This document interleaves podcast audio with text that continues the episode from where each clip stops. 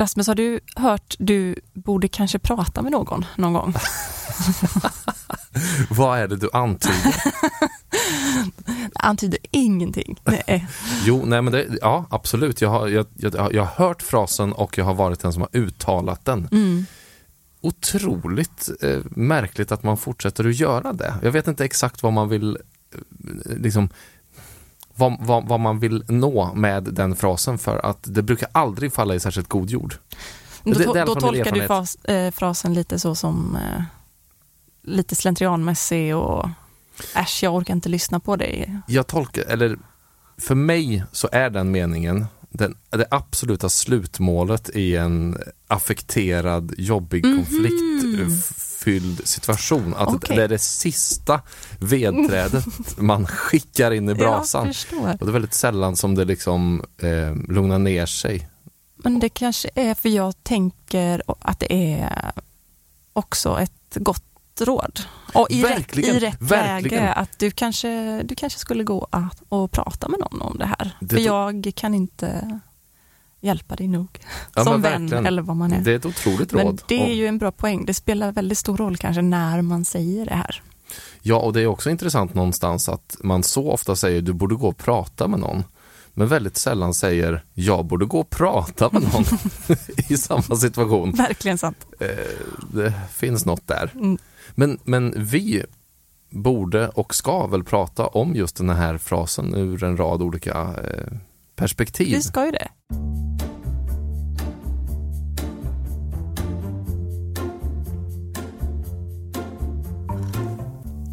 Du lyssnar på Förnuft och känslor där vi försöker förstå olika fenomen och händelser i samhället med hjälp av psykologin. Det är jag, Sofia Calderon, som själv är forskare och Rasmus Persson som är radioprogramledare och allmänt intresserad av psykologi. Som pratar med forskare och psykologer kring frågor vi är nyfikna på att veta mer om. Podden spelas in vid Psykologiska institutionen vid Göteborgs universitet.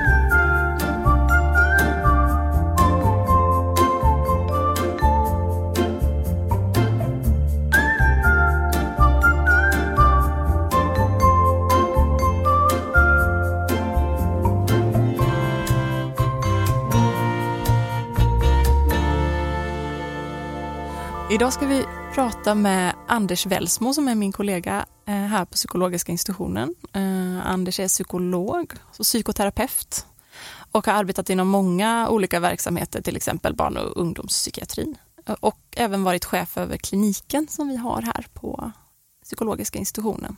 Och handlat studenter som ska bli psykologer. Stämmer det? Det stämmer bra. Uh -huh. Det stämmer bra. Må många som borde prata med någon har varit och pratat med dig genom åren. Jättemånga. Mm. Får du höra och säger du till folk också i din vardag? Du kanske borde prata med någon? Nej, inte på det sättet som folk i allmänhet säger till varandra eftersom de flesta vet att jag är psykolog. Mm. De som säger det till mig är väl mina barn. Ironiskt.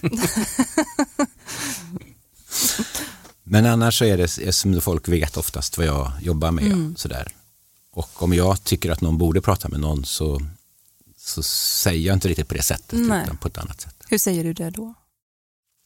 Ja, det, det, är lite beroende på vilket situation som uppstår förstås. Men eh, jag brukar nog säga att det där skulle du behöva hjälp att förstå varför det blir som det blir för dig. Mm. Och då kan man liksom för folk som går och pratar med någon utan att ha ett eget motiv, det är en bortkastad tid både mm. för den de pratar med och för dem själva.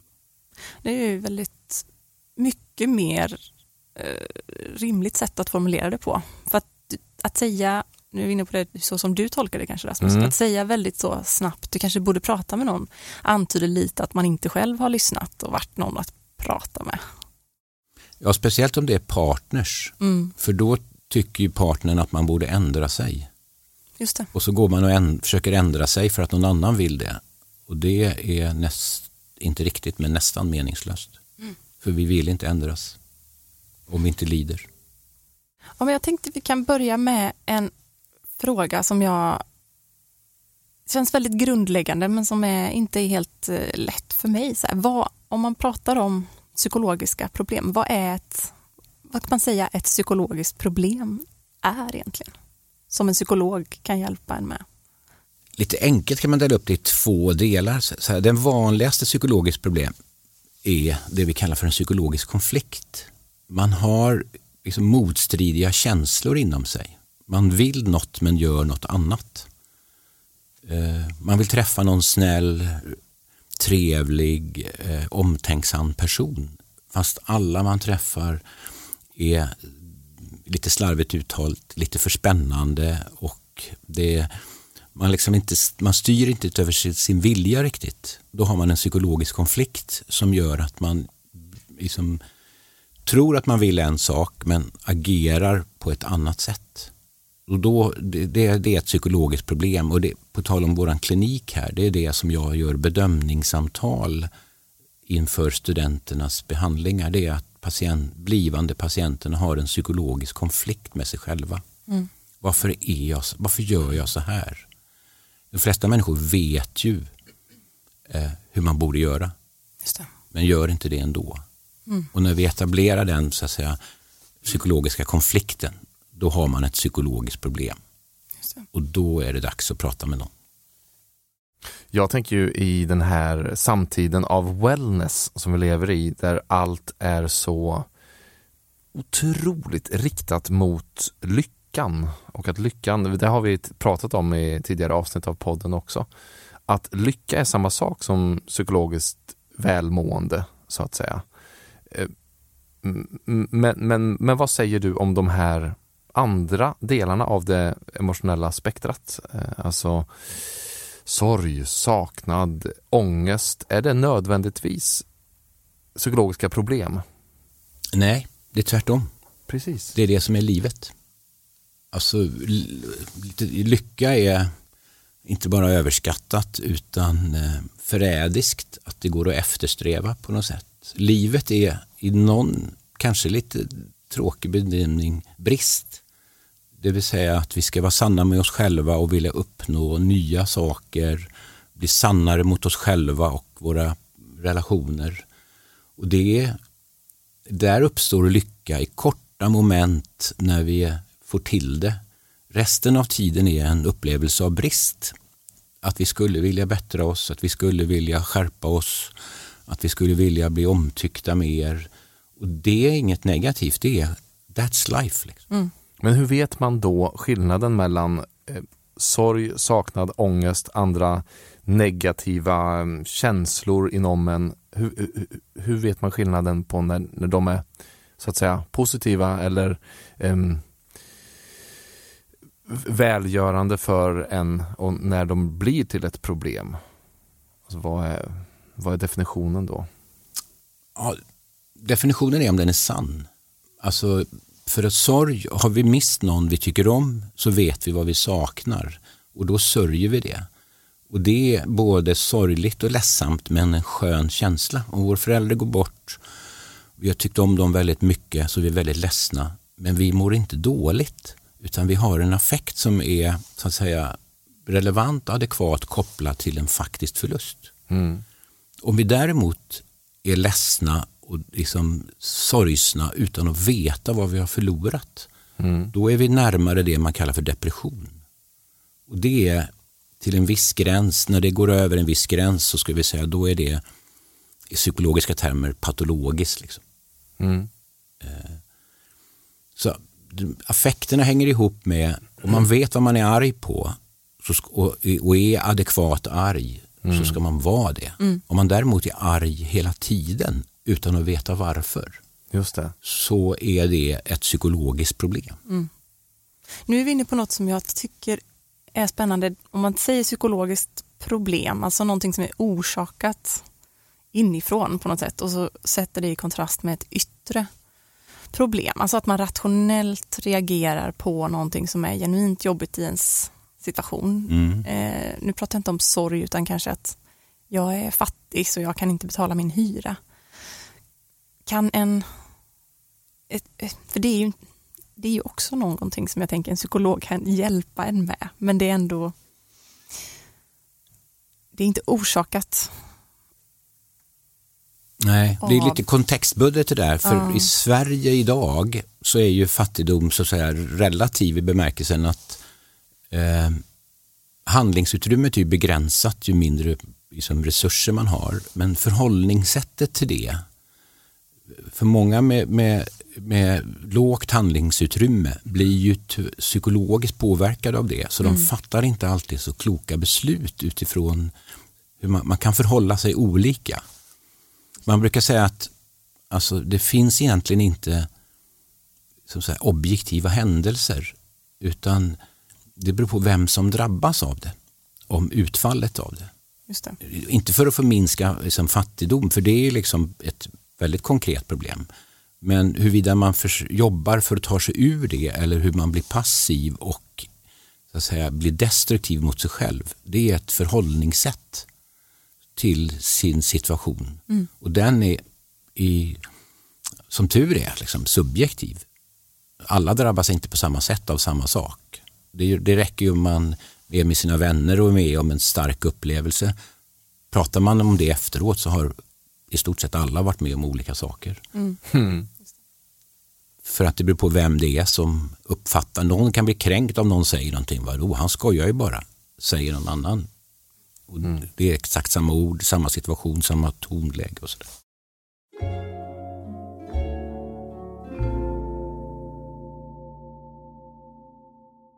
Jag är lite nyfiken på hur synen på psykisk hälsa och att söka hjälp för den och um, problem man kan uppleva har förändrats över tid. Alltså, är vi mer benägna att faktiskt hörsamma frasen du borde gå och prata med någon idag än vad man var för, säg 20, 30, 40, 50 år sedan? Ja, det tror jag. Och i både positiv och negativ bemärkelse. För att jag tror att det finns mer hjälp att få. Det finns ganska mycket, även om det inte så att säga, upplevs så för att det är mycket neddragningar som en relativt sett liksom, tillbaks i tiden så finns det ganska mycket stödfunktioner i samhället. Så på det sättet, och det är inte skamligt längre vågar jag påstå. Vi har kön till våran klinik här är enorm. Alltså det finns jättemycket mm. folk som behöver och vill ha någon att prata med. Mm. Det negativa är att eh, man blir, kanske, jag vet inte om man blir sämre, men känslan av egenansvar för sitt eget känsloliv och mående finns det också en risk att man lägger den i händerna på någon annan. Att någon annan, en del saker ska man stå ut med. Det, det är en del av livet att eh, drabbas, att inte få vara med i populäraste gänget eller att inte platsa i fotbollslaget. Det är liksom inget psykologiskt problem. Det, man ska liksom hantera det själv. Det är det man växer av att vara utsatt för kriser. Genomleva dem med sina vänner och familj. Mm. Och att då söka hjälp är snarast passiviserande. Liksom. Det där är ju så spännande med mm. att växa av kris. Det, det, känns ju ibland som en ganska, vad ska man säga, eh, ja, men något som folk slänger sig med. Livets hårda skola mm. och så vidare. Och vad som inte dödar dig gör dig starkare och vad man nu kan säga på t-shirt-tryck som man kan köpa på olika marknader runt om i Sverige. Men, men det finns något i det där, skulle du säga? Ja, jag hade en, en kompis vars partner lämnade honom och han sa Gud vad jag lär mig nu. Gud vad jag lär mig nu. Det är en bra inställning. Han var väldigt ledsen förstås med det. Men jag tror att det finns en risk med för mycket tillgång till hjälp också i det att vi, vi föräldrar tål inte att barn har känslor och affekter. Mm. Antingen ska man ta, ta bort dem genom att rätta till omgivningen mm. eller söka hjälp så att de ska slippa känna något. Och det är liksom, liksom ta bort barnens förmåga att växa genom att få vara arga och ledsna och inte få det de vill. Och sådär. Mm. Gå igenom processen. Liksom. Uppleva orättvisa. Om vi pratar ja. om sorg, är det inte så idag att det också hanteras mer som en depression? Alltså att man i vården jo. nu hanterar det som någonting som ska jobbas bort snarare än någonting som man ska hantera och som är en del av livet. Ja, jag tror till och med, om jag minns rätt nu, jag kan ha fel, men jag tror att i senaste DSM-versionen så är man deprimerad om man är ledsen en viss tid efter att en nära släktings bortgång. Mm. Och det är en tidsfråga förstås för att om det är flera år efteråt, men man blandar, man blandar ihop sorg och depression. Mm. Så ibland när jag handleder på eh, institutioner och så brukar vi liksom komma i diskussion om är den här personen ledsen eller är den deprimerad? Mm. Ska den ha medicin mot det här? Och då brukar jag säga nej. I värsta fall hjälper det. Mm. Det vill säga ta bort den känslan som personen behöver ha utifrån den situation den är i. Mm.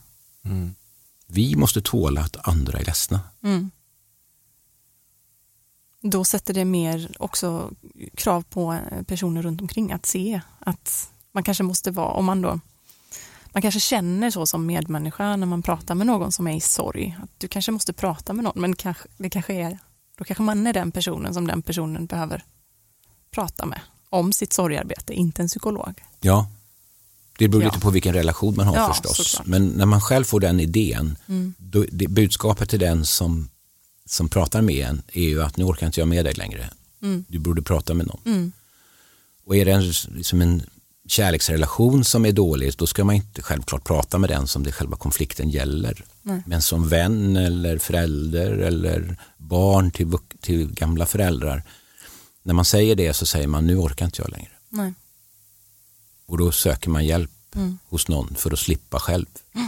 Det relaterar lite tillbaka till det du sa om att livet är inte bara lycka utan man ska lära sig. Man kanske måste vara kvar i, i det där jobbiga, att se sin vän må dåligt. Ja, precis. Inte bara försöka ja, slänga bort det på någon mm, annan. Mm. Absolut.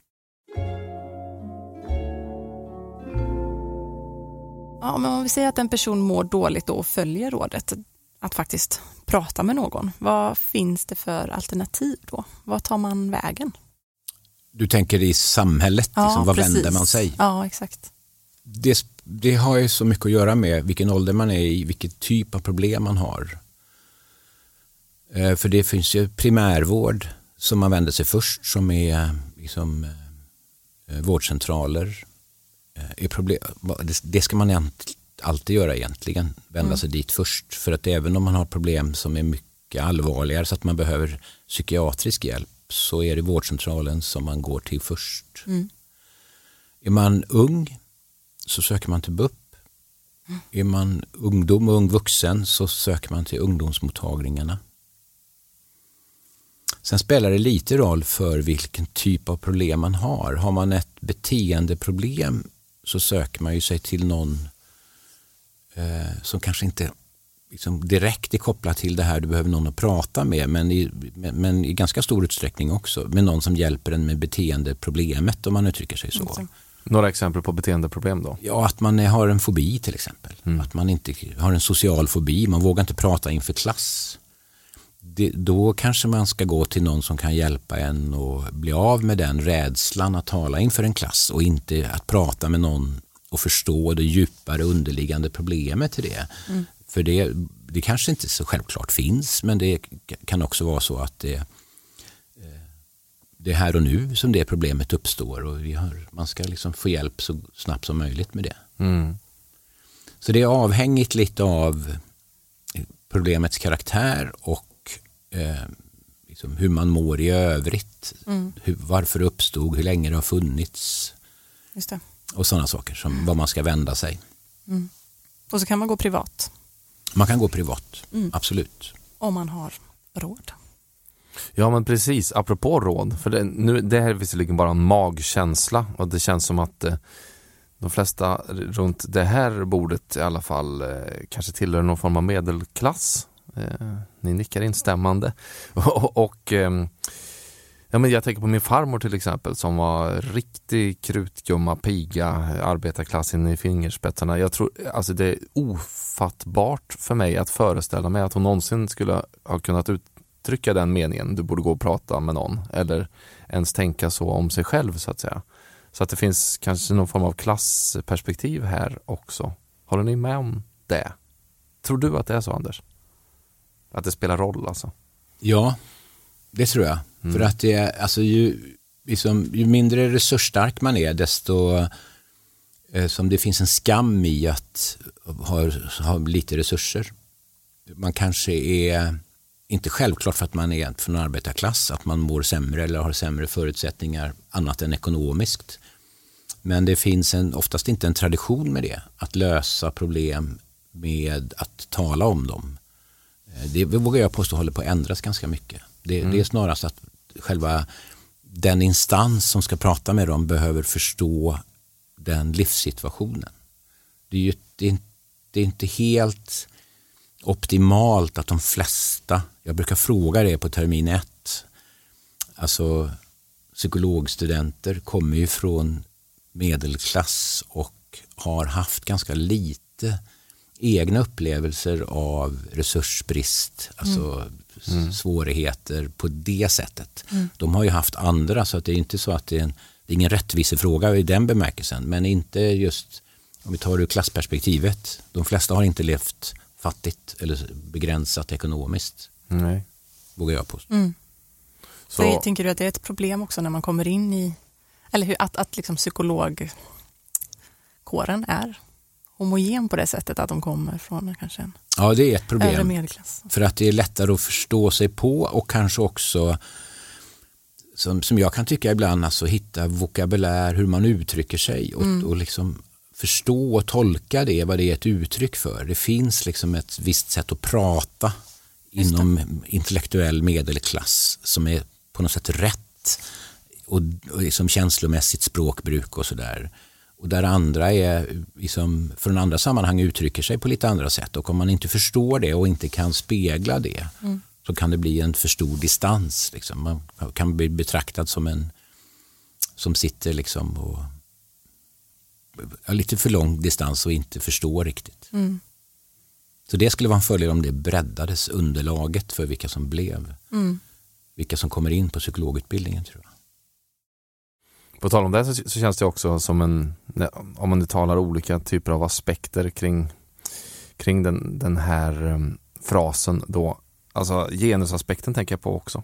Uh, jag som man känner jag själv har svårare att sätta ord på mina känslor. Alltså det är ju någonting med det. Och jag tror att jag får höra det här rådet oftare än min partner får höra det. Som, eftersom hon är mer van vid att prata om sina egna känslor på något sätt. Ligger det något i det här, mm. den här magkänslan tänker, också tror ni? Tänk att hon får mer hjälp av sitt... Eh, ja, så, eller att tjejer att kanske hon, får mer hjälp av sin ja, närhet. Liksom. Ja, eller av, av, sin... Av kulturen som vi lever i som har lärt henne och gett henne verktygen redan från start ja. att sätta ord på vissa delar av sin, sitt känsloliv och sitt inre liv som jag saknar då, kanske många män saknar? Jag tror att det är en aspekt av det. Den, alltså, sen finns det en utvecklingspsykologisk så att säga, aspekt av det som har att göra med att eh, det, är, liksom, det är lite svårare för liksom, det är förknippat med svaghet och beroende att öppna sig och tala om sina egna svårigheter. Eh, som vi inte har tid med nu, men som jag håller föreläsningar om varför det är så. Mm -hmm. utvecklingspsykologiskt, alltså varför, vad som skiljer det. Eh, så det gör att steget för en man att eh, öppna sig och liksom tillstå sin sårbarhet är, män har mer att förlora helt enkelt i sin upplevelse mm. av sig själva. Och det ser vi ju i att det är nästan bara män som begår vissa typer av brott, våldtäkt, våld, alltså dricker mycket mer. Alltså den här utagerande problematiken är ju mycket vanligare bland män och det är ju mm. för att hålla borta en känsla. Medan kvinnor och flickor, nu är jag förstås väldigt generell, men har en tendens att vända sig inåt mot sig själva. Det är fler flickor som skär sig, det är fler flickor som får depressionsdiagnoser och sådär. Och killarna mm. sitter på Fagared och på, agerar ut istället. Så det, visst är det en samhällsaspekt av det, huruvida vi tränas på det. Men man tänker sig också att det finns en utvecklingspsykologisk fråga som har att göra med eh, att inte vara man, att inte vara pojke, att inte vara kille som, som är lite läskigare så att säga och öppna upp.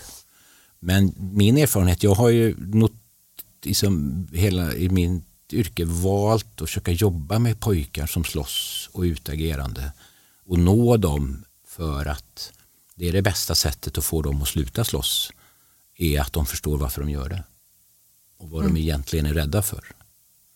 Jag tycker att många eh, det har blivit, det blir bättre och bättre men inte så få instanser liksom har svårt att förstå sig på pojkars sätt att uttrycka psykisk ohälsa. Men det här känns ju som en nyckelfråga för hela samhället. Om man bara räcker med att slå upp en tidning så inser man att det här behövs. Mm. Att nå fram till de pojkarna. Mm. Men är den här meningen ett gångbart eh, verktyg för att nå fram till sådana pojkar? Alltså du borde gå och prata med någon? Absolut. Okej, okay, men om jag utgår från mig själv då. När folk ger mig detta råd att jag ska gå och tala med någon. Alltså, min första reaktion är ofta ilska. jag känner så, alltså eh, på något sätt, ja men ja, det är klart att jag borde det, eller det borde väl alla. Varför? Du borde också gå och prata med någon och alla jag känner borde gå och prata med någon, men man kan inte gå och prata och prata hela tiden. Alltså de känslorna bubblar mm. upp då inom mig. Och jag funderar ibland på om det är nästan ett underbetyg till samhället att vi behöver ens ge de här råden till varandra. Borde inte det vara liksom inbyggt i vår, alltså på, på samma sätt som primärvården är det på något sätt. Alltså man, om någon får ett sår så är det inte det, det, är liksom inte så att man går omkring med det i tre dagar tills någon går och säger du det där såret, du borde kanske gå någon kanske borde gå och kika på det. Fattar ni vad jag menar? Mm. Det är kanske är lite luddig, mm. luddig fråga men den här, den, det här rådet borde väl knappt finnas. Det borde vara så naturligt menar jag. Ja, men jag tror att alltså det finns ju, som jag sa förut, så tror jag att man, det, ibland ska man inte prata med någon annan, alltså någon, någon officiell person eller någon tjänsteman, utan man ska prata med sina vänner och bekanta och familj. Men din, din känslomässiga reaktion när någon säger det till dig, det mm. hänger ihop med det jag sa förut, att du blir ju arg för att du blir avvisad. Just det. För du är missförstådd då. Du har mm. inte nått fram till den andra och den har, tycker att du inte som de har tröttnat på dig. Mm. Och då blir du arg och då tycker du att du, ja, det borde du också. Mm. Som... Ja men precis, jag menar nu sitter jag ju och pratar med dig. Mm. Eh, är ju det jag känner då. Varför hör du inte mig när jag beskriver hur jag mår? Eh, liksom. Alltså inte du Anders, utan mm. den personen som eventuellt ger mig det rådet då. Men kan, kan det finnas, kan det finnas eh, någon form av kontrollfråga som man ska ställa sig själv när man får det rådet? Alltså för det är ju så intressant det du är inne på. Eh, I vissa sammanhang så ska man prata med någon. Mm. I andra sammanhang så, ska, så, så kanske det är så att nej, jag ska inte prata med någon annan än just dig, du som jag sitter och pratar med här och nu, mm. om de här jobbiga sakerna, om min ångest. För ångesten kanske är naturlig, ångesten kanske är eh, något som kan leda till att jag växer som människa och sådär. Ja, det tråkiga psykologsvaret på det ja. är ju att det, hänger, det, har så, det är så många aspekter av det. För ja. att inte så få människor tror ju inte att de kan få kontakt och närhet till andra om de inte pratar om sina problem. En del mår ju som bäst när de mår dåligt. Mm. Det vill säga då kan de prata med någon och då vill man inte egentligen ha någon lösning på det. Många liksom kompiskretsar är utsatta för det är alltid någon som är missnöjd och vem ringde ni först och så ska de prata om det så fort de efter första glas vinet. Mm. Mm.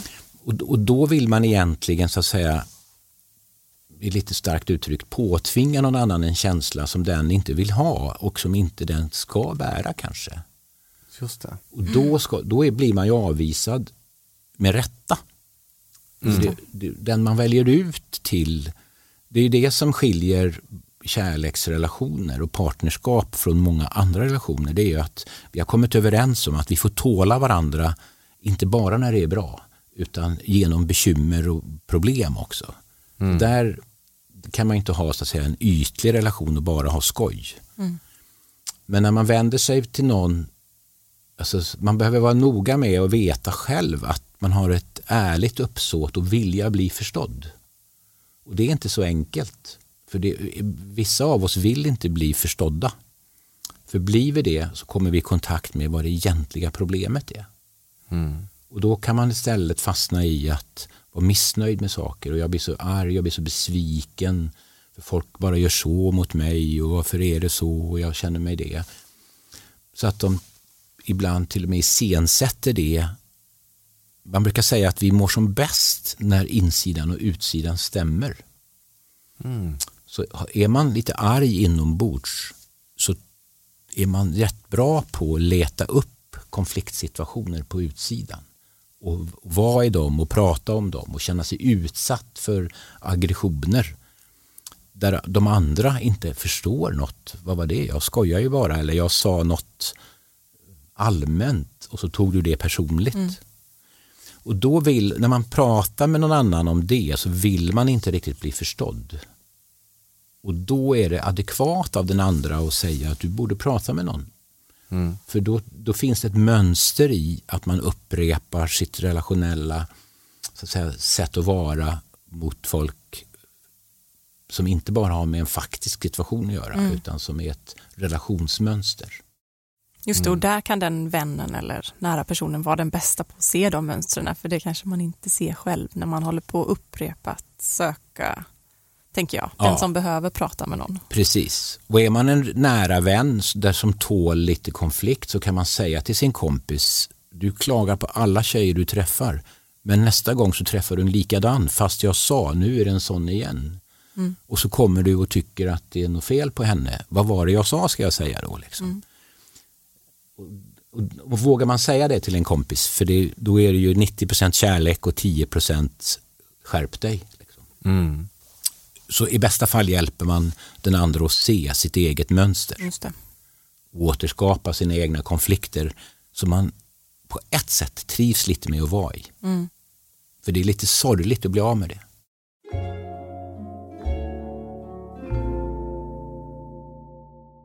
Nu pratar vi om personer som är bra vänner då, som ser och Precis. lyssnar och slussar vidare.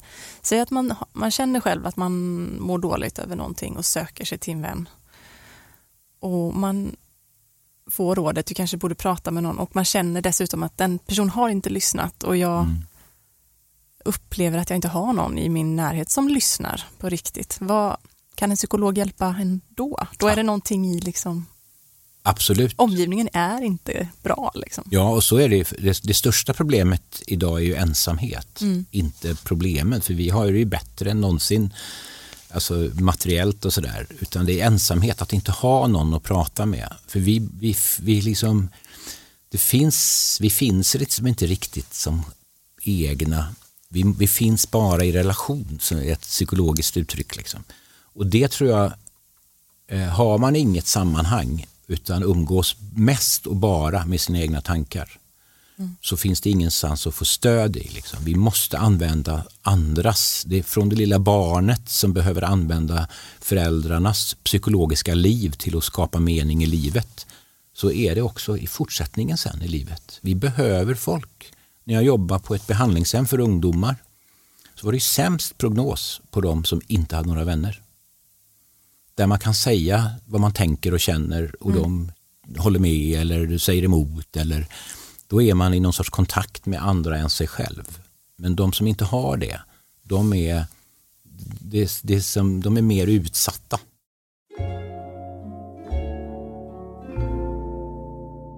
Okej, säg att någon kommer till dig som psykolog, Anders, och egentligen har personen inte primärt ett psykologiskt problem eller ett ett problem som är orsakat av någonting i en själv utan snarare en rationell mm, reaktion på någonting väldigt jobbigt i den personens liv. Säg att man har väldiga problem med Försäkringskassan eller liknande. Hur är det som psykolog? Vad, vad gör man som psykolog då? Känner du att du ändå kan hjälpa den personen på, på olika sätt? Ja, med den känslomässiga aspekten av det mm. men inte med den faktiska situationen. Mm. Så att är det det man vill ha hjälp med så brukar jag säga att du måste lösa det först. Mm. För att är det en faktisk situation som gör att det inte är psykologiskt möjligt att jobba med det, för det är faktiskt så problematiskt på riktigt. Mm. Då får jag rekommendera alltså socialtjänsten eller en kurator som kan hjälpa till att liksom skriva intyg eller alltså göra något åt den faktiska situationen. Mm. Men som jag sa förut så är det ju liksom även om vi har begränsat handlingsutrymme så har vi ju lite större förhållningsutrymme än vi tror. För när man har problem så tror man ju att de är helt olösliga. Mm.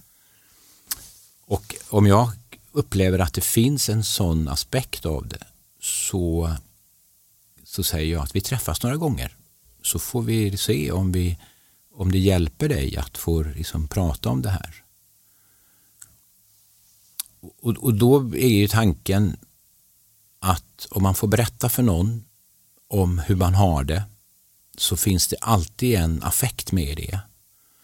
Och säger man det till någon annan så kommer den andra att drabbas. Just det. Alltså av den affekten. Mm. För man kan inte sitta och lyssna på något som är väldigt svårt utan att själv bli känslomässigt drabbad. Mm. Och det är en väldigt kurativ funktion för den som pratar. Och så, så, vi kallar det för härbärgera, det vill säga det är det som förälder gör med barns osmältabara känslor. När barn har ont i magen så har ju de ingen kognition liksom och tar vara på det. Nu är jag lite ont i magen för jag åt min välling lite för fort här. Så att det går nog över om jag pruttar lite och kanske spyr lite. Den resonemanget har inte de Nej. av ålder. Så är det också när vi är vuxna. Vi upplever en situation som känslomässigt hopplös. Men får jag säga det till någon som också drabbas av den känslan så får jag, då delar jag med mig och då upplever jag, det är det som får andra så att, säga, att tröttna på mig om jag har för mycket problem som jag vill smitta andra med. Där är ju psykologiska teorier och metoder så att säga hjälpen. Då förstår, när någon berättar saker för mig så, och jag blir arg eller uppgiven eller ledsen så förstår jag det. Det har i bästa fall inte med mig att göra mm. utan det har med den andra. Så nästa gång så är jag hel igen, om man uttrycker sig så, och kan lyssna igen. Och en, som en serie av samtal där den andra kan få uttrycka sin, sitt känslomässiga upplevelse kopplat till sitt problem. Så tar jag efterhand över en del av känslorna och, men jag är så att säga jag är inte bättre med att leva mitt liv än någon annan människa. Men i den här situationen så är jag lite klokare eftersom det inte är mitt liv som är bekymret. Och till slut så kommer i bästa fall så kommer den som söker hjälp också att kunna tänka mer och känna mindre. Och det, det, är en väldigt stor del av, för då har jag ett känslomässigt problem som, som psykolog. Eller inte ett problem, för det är inte min liksom, det är inte min person som är satt i konflikt. Men jag är så att säga drabbad av den andra. Mm. Och det är en väldig fördel för den andra som kommer till mig. Mm. Och tillsammans så blir vi efterhand klokare. Och då kan vi förhålla oss till det faktiska problemet lite smartare. Kanske ska göra så här istället. För när man är för mycket i affekt, man, man är inte så smart. Man har lust att göra massa destruktiva, jag skiter i allt, jag kan lika gärna knarka, supa, jag ska döda den jäveln. Det är inte så smart alltså på sikt. Eh, och då hjälper det att prata med någon som står ut med en och som håller sitt tankeliv vid liv. Mm. Och kan fortsätta att prata med mig oavsett vad jag känner. Liksom. Så den förmågan att bära andras affekt som man då kanske kan säga att omgivningen inte har lyckats med. Vilket man inte alltid kan begära heller om problemen är stora. Liksom. Mm. Det är en viktig funktion hos en psykolog att prata med. Det är därför det tar tid. Psykologstudenterna här har ju en, eh, en av sina patienter under en gång i veckan i ett år. Och patienterna brukar ju undra, men herregud, vad ska vi prata om så länge? Och när de slutar så säger de, vi har precis börjat. Mm. För att om man kan prata om sig själv med någon som lyssnar och är intresserad så finns det otroligt mycket att säga. Mm. Och man, det är en otroligt fin känsla att någon bekräftar lyssnandet och vågar problematisera mina tankar och känslor med men inget motiv till för egen del. Mm. Så som partner vill man ju att ens som partner ska skärpa sig, sluta, Liksom, och sådär. Som psykolog har man ju inget som helst begär efter det. Mm. Folk får leva som de vill. Vi har ju inga synpunkter på det. Men är det där något som man kan ta med sig även som anhörig eller närstående bara? Eh, alltså som det tankesättet menar jag som du beskriver här. Om en person som man eh, har en relation till uttrycker väldigt starka, tunga problem. Alltså, eh, hur ska jag beskriva det då? Jag, jag tyckte det var så fint som du sa att man som anhörig har um, möjligheten att ta, ta över de problemen till sig själv, att härbärgera dem snarare än att bara försöka göra det bra. Eller förstår du? Ja, det är ju en acceptans kan man säga för hur världen är beskaffad för just mig. Mm. Jag pratar ju med många ungdomar och unga vuxna och när de är är man som 24-25 år och fortfarande är som ett barn i förhållande till sina föräldrar och sådär, då har man inte riktigt accepterat sina föräldrars med sina brister och fel. För det, de kommer inte att ändra sig, det vet vi. Och då är det en acceptans och en viss som, sorg över Alltså för om vi accepterar vår, alltså sorgen över att det inte var precis som jag ville mm. så kommer kärleken att få plats. Och det är en stor del av det liksom psykologiska arbetet vi behöver göra. Säg det där en gång till, det var vackert. Om sorgen... Ja, vi enklast att ta det så att säga, i vår eget liv i relation till våra föräldrar. Och våra barn får göra den uppgiften i relation till oss. Att man accepterar de brister som mina föräldrar har och framförallt har haft kanske. Eh, och så att jag inte tror att om jag är, sätter dem liksom sätter krav eller motkrav eller bråkar med dem så mm. kommer de till slut att skärpa sig.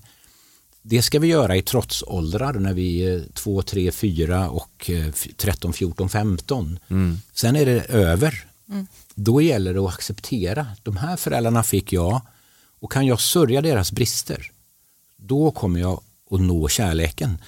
Kan jag inte sörja deras brister så kommer jag antingen att idealisera dem, det vill säga inte se bristerna och då kommer vi ha en ytlig kontakt. Eller så tål jag det och så kommer jag tycka om dem för de människorna de är trots att de har brister. Liksom. Och, och det, det menar jag... Sant. Alltså det är så, förlåt jag ja, avbryter men det är väldigt sant. Det är väldigt sant, verkligen. Det, det landar verkligen hos mig. Och, och det har man som uppgift Eh, också i någon bemärkelse, för man ska inte bli för mycket psykolog till sina vänner och bekanta och framför allt inte till sina barn. Utan där ska man vara en människa som de ska bemötas rakt med, inte som för ett psykologiskt perspektiv som jag gör med patienter, det gör inte jag med mina barn.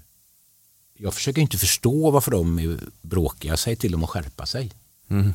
Alltså, för att det förminskar dem att i relation till mig som privatperson sätta mig över det. Mm.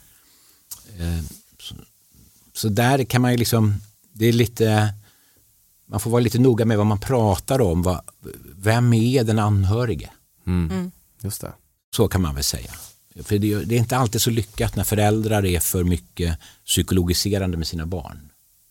Barn ska få lite törnar liksom, och bli lite arga och ledsna och inte bli förstådda i allt och intet. Liksom. Mm. En eh, kanske lite konstig fråga, jag vet inte, men, men något som jag har tänkt på väldigt mycket är den här automatiseringen av samhället. Ehm, det är väldigt svårt att ehm, gå på stan och eh, lyckas träffa någon som man kan prata med. alltså bara överhuvudtaget växla några ord med. I butiken så får man inte prata med någon i kassan längre, man ska sköta det själv och mm, man kan inte gå i skivaffärer längre för man har allt i mobilen. Och det finns tusen olika exempel på hur man har lyckats skuffa undan det mänskliga mötet i alla delar av ens tillvaro. Jag känner det själv att det är väldigt ensamt på stan mm. på något sätt för individen just nu. Eh, delar du den bilden och tror du att det så att säga kommer att göra just psykologmötet till alltså ännu liksom mer värdefull valuta i framtiden?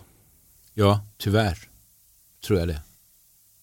Och jag tror inte, jag är inte så dystopisk riktigt att jag tror att det är ett, för det är människor som mår bra kan ta hand om sig själva och sitt liv, har också vänner och bekanta och där är så att säga kvaliteten i relationer. Där behöver vi inte prata med expediten eller supporten för vår dator och så. Vi behöver dem instrumentellt för att lösa vårt problem. Men de som är lite mindre, som inte har fått så att säga den omsorgen och stöd så att de kan skapa vänner och partners. För, för dem är den här relationslösheten med folk i allmänhet en väldig nackdel tror jag. Mm. För man, för man behöver inte gå ut längre. Man kan till och med bestämma maten hemma. Så. Mm. Och det finns det ju ingen att prata med. Så att det, det är liksom dåligt för dem som skulle må bra av att titta någon i ögonen, skoja lite, få ett leende, även om det bara är en expedit, för då finns man. Mm. Om man inte är i relation med någon så finns man ju inte. Och det, Den risken är för dem som, alltså, den grupp som tenderar eller som riskerar att inte ha mycket. Alltså, har man inget jobb så har man inga arbetskamrater. Alltså massa med sådana aspekter. Och där kommer det att bli sämre för dem. Och då kommer professionella hjälpare vara de som finns till hands. Mm. Och då, det är ett problem för vården. För då är det ju värsta som kan hända att man blir hjälpt med, med sitt problem. Hur menar du då? Alltså man söker vård för ett problem eh, där, en, det vet ju vårdcentralsfolk, alltså man satte ju till psykologer på vårdcentralerna för läkarna visste ju att folk hade lite ont i ryggen och huvudet men väst ville de prata mm. och berätta hur de hade det. Och det värsta som kan hända då är ju att de får hjälp med sitt problem som de annonserar. För då, då avtar ju också så att säga kontaktytan och relationen och det som är ett sätt att idag ha någon att prata med och få bli liksom bemött av och sådär. Mm. Så det var en väldigt fin reform som kom och som Göteborg var liksom tidiga med vet jag. Att, och, att vårdcentraler som tog in psykologer mm. mm. som det finns gott om nu. Mm. Som är en otroligt fin insats. Eftersom läkarna har en kvart på sig och receptblocket i handen mm. redan när patienten kommer in så att de vet hur de ska sluta samtalet. Mm. Med vilken åtgärd de ska göra. Och det är ju inte, det är inte, nack, det är inte negativt eftersom det är deras uppgift. Jo men jag ser liksom med tanke på att alla de här vardagsmötena försvinner. Liksom, att, ja. man, att man kanske att det kan, man kanske kan behöva en subdivision av samtalsstöd i framtiden. Alltså att det kan finnas stånd på stan när man pratar om vädret. liksom. Ja, nu har jag redan beställt hem all mat och lyssnat på min musik. Jag får gå ner här och prata bara 5-10 minuter. Ja. Att man får sitta där och... För länge sedan fanns det på Linnégatan i Göteborg det som nu är någon pannkakställe eller vad det var, en liten kiosk som mm. är vid där. Där, fanns det. det. där kunde man köpa fem minuters terapi. Kunde man? Ja.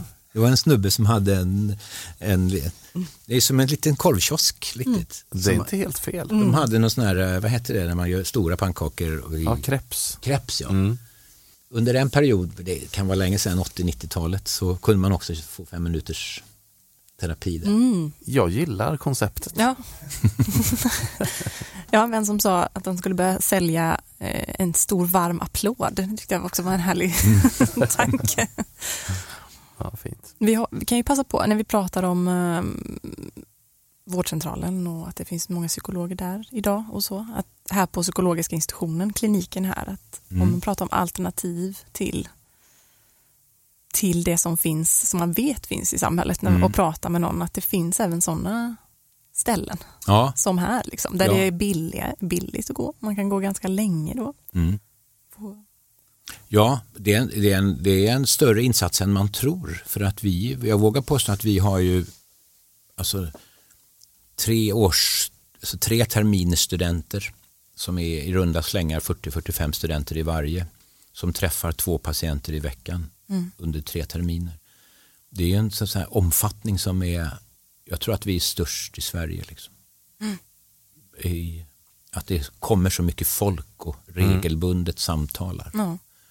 Och till en, till en rimlig pris. Och, och där tror jag att det, vi har sett att det är en fördel att det kostar lite grann för att man gör en effort själv och det kostar mig något, då kommer jag värdera det lite högre. Eh, så att eh, det tycker jag, det är ingen nackdel att det kostar lite grann. Mm. Men det, det, privat kostar det tusen kronor. Det har ju få råd med. Och det är ju inte för folk som studerar eller folk som, eh, som är arbetslösa eller som är sjukskrivna och sådär. Så den här mottagningen tror jag, vi har en ständig kö på, på hundratal patienter som vill komma och prata med någon. Mm. Så det är en stor samhällsinsats. Mm. Jag känner att jag behöver tala med någon. Jag behöver tala med dig mer. jag vill också göra det. Stort tack för att du var med då, Anders. Ja. Det här var jättespännande. Ja, det är kul att prata om sånt. Ja.